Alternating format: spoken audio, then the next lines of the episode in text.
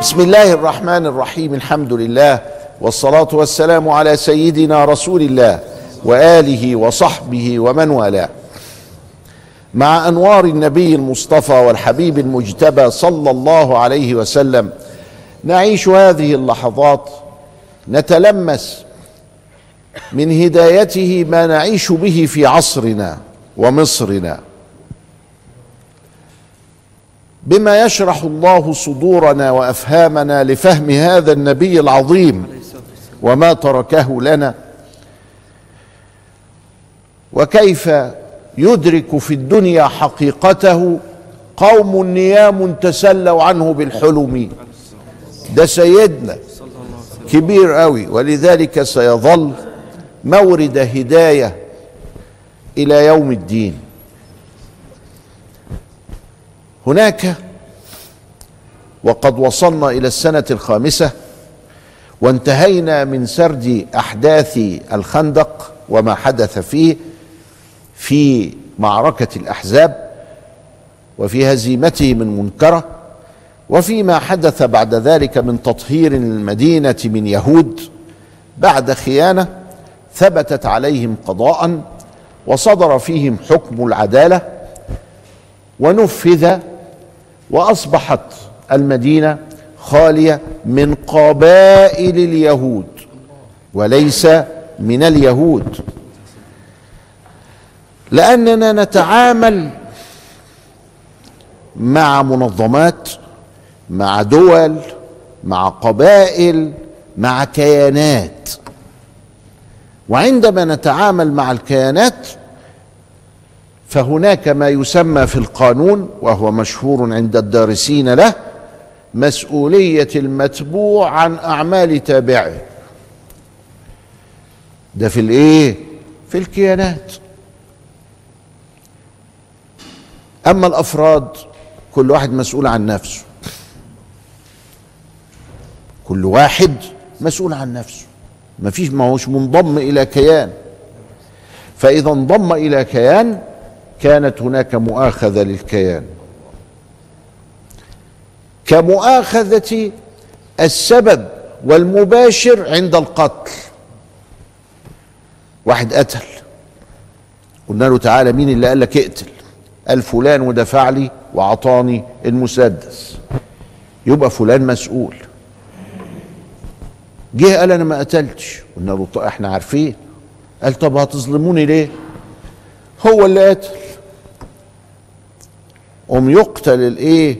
المباشر اللي هو القاتل الفعلي والسبب اللي هو المحرض والمسهل. ويقول سيدنا عمر لو تمالأ عليه أهل اليمن لقتلتهم به. في قتل الجماعة بالنفر. يعني جماعة قتلوا نفر. ومن الجماعة كلها تؤاخذ. واحد أيده والتاني حضر السلاح والتالت ضربه والرابع شال الجثة. ومن كل يؤاخذ. في الفقه كده ديننا كده. والقانون كده. والقانون كده برضه. أن السبب والمحرض أن السبب المحرض والمباشر كلاهما يؤاخذ. كان عندنا في التاريخ الحديث عشان نفهم. واحد كان اسمه إبراهيم الورداني. وإبراهيم الورداني ده هو كان الله يرحمه بيشتغل صيدلي. فين؟ في الحلمية. إبراهيم الورداني كان بيشتغل صيدلي فين؟ في الحلمية. زعل من بطرس غالي باشا. بطرس غالي له توجهات معينة. وكان قاضي في دنشواي دنشواي دي مسألة وطنية اعتدى فيها الإنجليزي المحتل على المصري المسكين. مين تولى هذا؟ مصطفى باشا كامل. وراح فرنسا وكذا وكانت هذه الحادثة سببا في موت مصطفى كامل لأنه ضغط على صحته في الدعوة إلى محاربة الاحتلال. الإنجليزي لمصر وفضح ألاعيبه ففي مذبحة أو قضية دنشواي كان القضاة مين؟ منهم إيه؟ بطرس غالي. ومنهم واحد كان اسمه فتحي زغلول اللي هو كان يبقى إيه بقى؟ أخو سعد زغلول.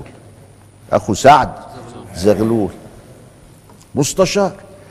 وحكموا على المصريين بالإيه بقى؟ بالإعدام. من أهل دنشواي إبراهيم الورداني يعني زعل. فجي موقف تاني لبطرس غالي فقرر قتله. قرر قتله. واترصد له وهو نازل كده ضربه بالنار موته. يبقى إبراهيم الورداني قتل بطرس باشا غالي. بطرس غالي معروف إن هو يعني يميل شوية لإيه؟ الانجليز فراح إبراهيم الورداني ده هو بقى قبضوا عليه. وقبضوا على مين كمان؟ على ولا حاجة.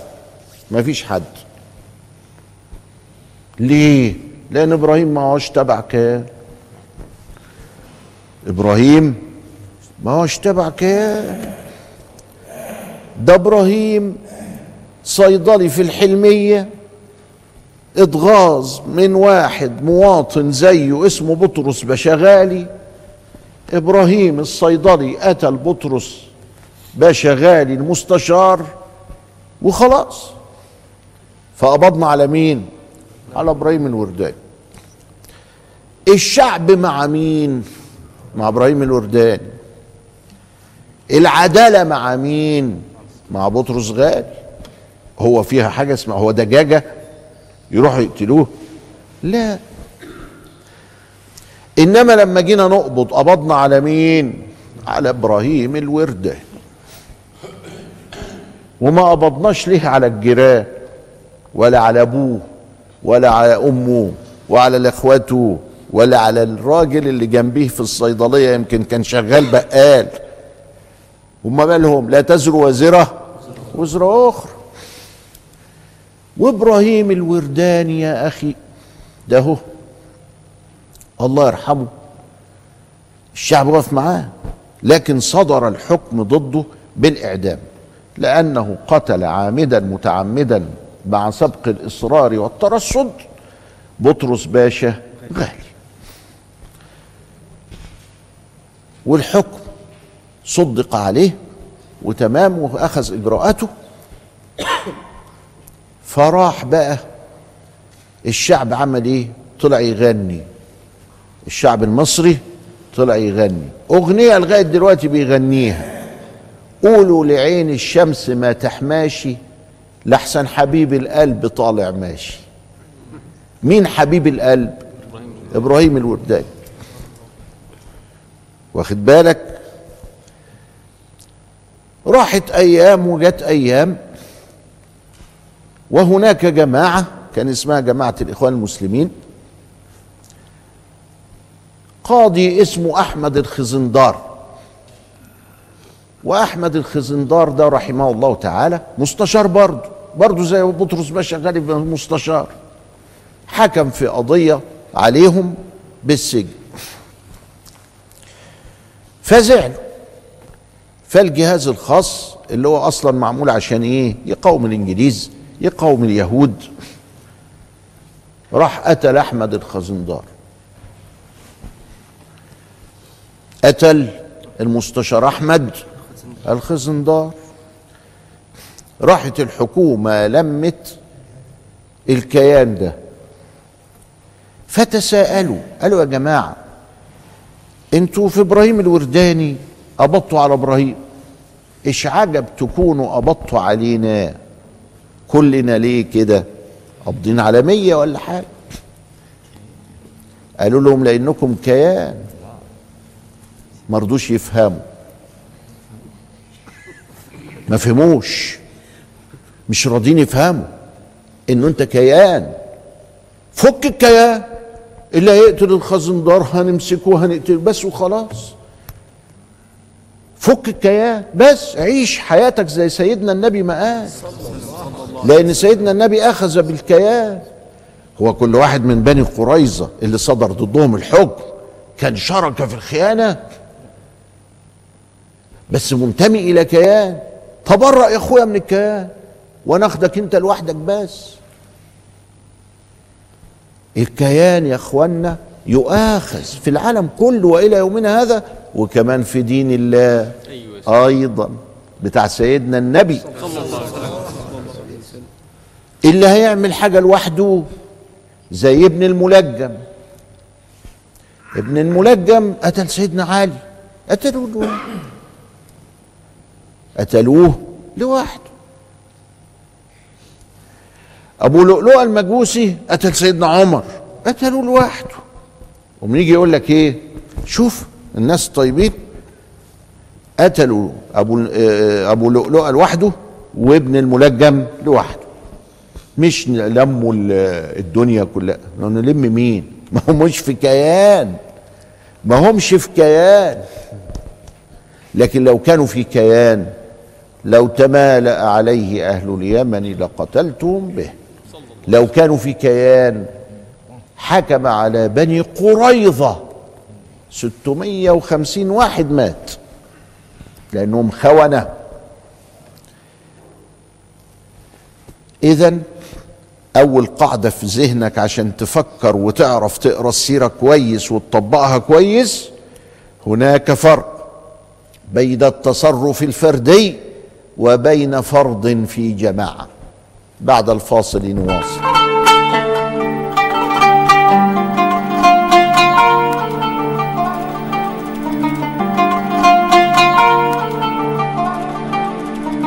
بسم الله الرحمن الرحيم الحمد لله والصلاة والسلام على سيدنا رسول الله وآله وصحبه ومن والاه. ذكرنا في الجزء الأول من لقائنا هذا أن هناك فارقا واضحا بين التصرف الفردي وبين تصرف الشخص وهو منضم إلى كيان أو جماعة. وأن الشريعة علمتنا أن نؤاخذ الكيان بما صدر عنه. ولذلك إذا رأيت كيانك وقد انحرف عن الجادة فقتل وأفسد وأهلك الحرث والنسل تبرأ منه وأخرج. وليس لك حل إلا هذا. وقيادات هذا الكيان إذا كان أفراده قد خرجوا عن طوعه فلا بد أن يتبرأوا منهم وأن يفكوا الكيان. يعلن فك إيه؟ الكيان. ويقول خلاص إحنا كنا اجتمعنا لوجه الله ولكن فقدنا السيطرة فلا نكون مسؤولين أمام الله ثم أمام الناس ولذلك فنحن براء من هذا الإهلاك والهلاك. ويجي متبرئ مما يفعل. لكن لا أين يذهب العناد؟ وأين يذهب الأنا؟ آه دي قضية تانية بقى. الأنا دي قضية تانية. ملهاش دعوة بالشريعة بقى. مش انت بتقاتل أو بتقتل حتى في سبيل الله. ده انت بترتكب اثما في دين الله. ولذلك يجب عليك كقائد أن تفك الكيان. قال يا سلام بعد كل الأموال دي والسلطة والهيلمان والسلطان آه دي دنيا مش آخرة. أيوه دي حياة دنيا. ده متاع الحياة الدنيا. وما متاع الحياة الدنيا في الآخرة إلا قليل. لو كنتم تعلمون لو كان قلبك معلقا بالله من غير أوهام لتركت الدنيا لله ولنصرك الله حق نصرته. لكن الشرك يعني إيه؟ إنك بتحب الدنيا وبتحب ربنا. قال أنا أغنى الأغنياء عن الشرك. مش عايزها الحكاية دي. لا أريد منك أيها المؤمن أن يكون قلبك منشغلا بالدنيا وبالله. لا بالله بس. آه. بالله فقط. اذا هو ده التوحيد طلب الوحدة. لأن الله كافي في الأنس به سبحانه وتعالى. وصلنا إلى السنة الخامسة من هجرة المصطفى إلى المدينة المنورة وهي السنة التسعه عشر من الوحي. فضل لنا خمس سنين وينتقل الحبيب صلى الله عليه وسلم إلى الرفيق الأعلى بعدما أكمل الدين وأدى مهمته رضي الله عنه وفتح عليه وبه وله وفتح على المؤمنين من بعده والحمد لله رب العالمين الذي جعلنا مسلمين من أتباع هذا النبي الأمين. النبي صلى الله عليه وسلم مضى عليه خمس سنوات حدثت الخندق والمعجزة بتاعتها وأراد إنه ينظف الجهات هذه فكان أن عاقب قضائيا. بني قريظة كما ذكرنا وفصلنا تماما. انتهت هذه المشكلة واستفدنا منها فوائد منها نظام لم يطبق إلى الآن وهو اختيار القضاء. أن تختار قاضيك. مش إنك تحاكم أمام قاضيك الطبيعي. لا ده أنت تختار قاضيك برضه. فاختاروا سعد بن معاذ في قصة ذكرناها. انتهت بنو قريظة ولكن انتهت ككيان. المدينة بقى فيها يهود ولا ما فيهاش؟ فيها. لماذا؟ لأن هناك فارقا بين الفرد وبين الكيان. الكيان بتاع بني قينقاع ظلم فطرد. بني النضير ظلم فطرد. بني قريظة ظلم فطرد. طب وأنا مال؟ أنا مش منه اقعد. مواطن عادي في امانه الله. ويزيد النبي في الاتصال بهم وفي الود إليهم مع مخالفتهم. فيمرض ولد من جيران النبي صلى الله عليه وسلم فيذهب إليه يعوده. الله يعني النبي عارفه. وعارف إنه مرض. وبيقيم حقوق الجيران على المسلم وغير المسلم. فذهب يعود. فلقاه تعبان قوي. ومين يستقبل سيدنا النبي؟ سيدنا النبي ده مين بقى؟ سيدنا النبي عندنا إحنا بقى سيد الخلق ها؟ وصخرة الكونين وحبيب الرحمن وقول بقى الشهد كفي بس سيدنا النبي ده قائد الرئيس الأعلى للمدينة قائد الجيوش. سيدنا النبي ده حاجة كبيرة قوي والراجل اليهود يستقبله ودخل. الولد يا عيني مريض ونايم على الفراش. فسيدنا النبي قلبه معلق بالله صعب عليه الواد شكله كده يموت فقال له ألا تشهد أنه لا إله إلا الله وأن محمدا رسول الله؟ يعني من زيادة الحب. يعني داخل ليه بالحب والرحمة مش داخل ليه بال... ب... عايز ب... صعب عليه. الحتة صعب عليه دي اللي إحنا بنركز عليها. إنه صعب عليه. فالواد بص لأبوه. أعمل إيه؟ أعمل إيه؟ لحسن تزعل. فقال أجب أبا القاسم واطعه اللهم صل عليه اللهم صل على النبي. أجب أبا القاسم واطعه الواد فرح. دي هتكشف لنا عن حاجة تانية إن سيدنا الرسول عنده فراسة وذكاء وشاف في عينين الواد إنه عايز يسلم. بس مكسوف من مين؟ من أبوه. بس الواد مؤدب قوي متربي. أعمل إيه يابا عايز يجيبها منه. وما قال له إيه؟ ما هو اليهود كلهم عارفين إنه ده نبي. يا حبيبي. بس صعبان عليهم إنهم يصدقوا. معلش. قضية تانية. قال أطع أجب أبا القاسم وأطعه. فأسلم الولد. يبقى نمرة واحد.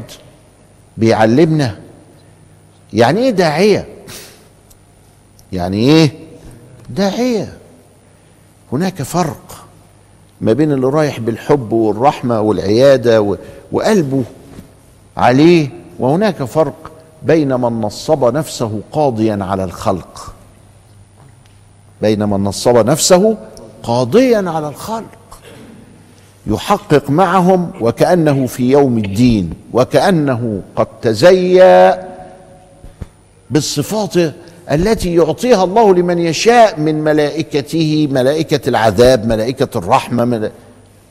هو إن كلفك أنت إنك تعبد مش أقامك قاضيا.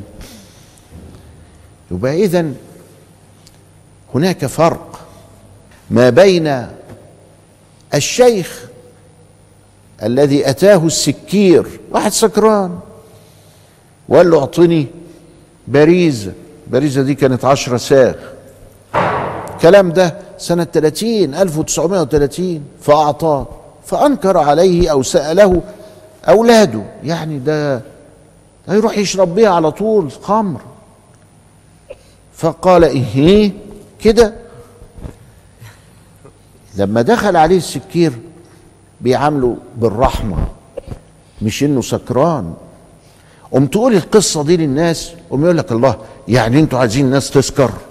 إيه ده كلام؟ ده هو حلاوة الإسلام في إنه حرم الخمر وحرم الخنزير وحرم الربا وحرم الزنا. آه ده يعني هو الإسلام كده؟ فلما عطاله عطاله علشان هو إنسان عاصي آه لكن هي دي كانت علاقة المشايخ بالمجتمع. عطاها له وهو بيدعي له إنه ربنا يتوب عليه. ما يمكن صرف فلوسه في السكر والعشرة صاغ دي هيوكل بيها أهله. ما يمكن كده. ما دخلتش ليه المدخل ده؟ المهم الراجل غاب ثلاثة أيام وجه وقال له يا مولانا أنت كنت حاطط في العشرة صاغ إيه؟ قال له مش حاطط فيها حاجة فتشني. مفيش. قال له ده أنا كل ما أشرب كاس بيها اتآية لغاية ما اتقرفت من الخمرة وريحة الخمرة و... واتقرفت أشوف الخمارة. قال له إرادة الله فتاب. شوف شوف الف... شوف ال... ها؟ تدخل بالرحمة بالحب تجيب واحد من زباينك. التاني بقى دخل عليه سكير قال سكران. وفي المسجد اضربوه. بدا يرضي ربنا. لا ما يرضيش. إلى لقاء آخر. أستودعكم الله. والسلام عليكم ورحمة الله وبركاته.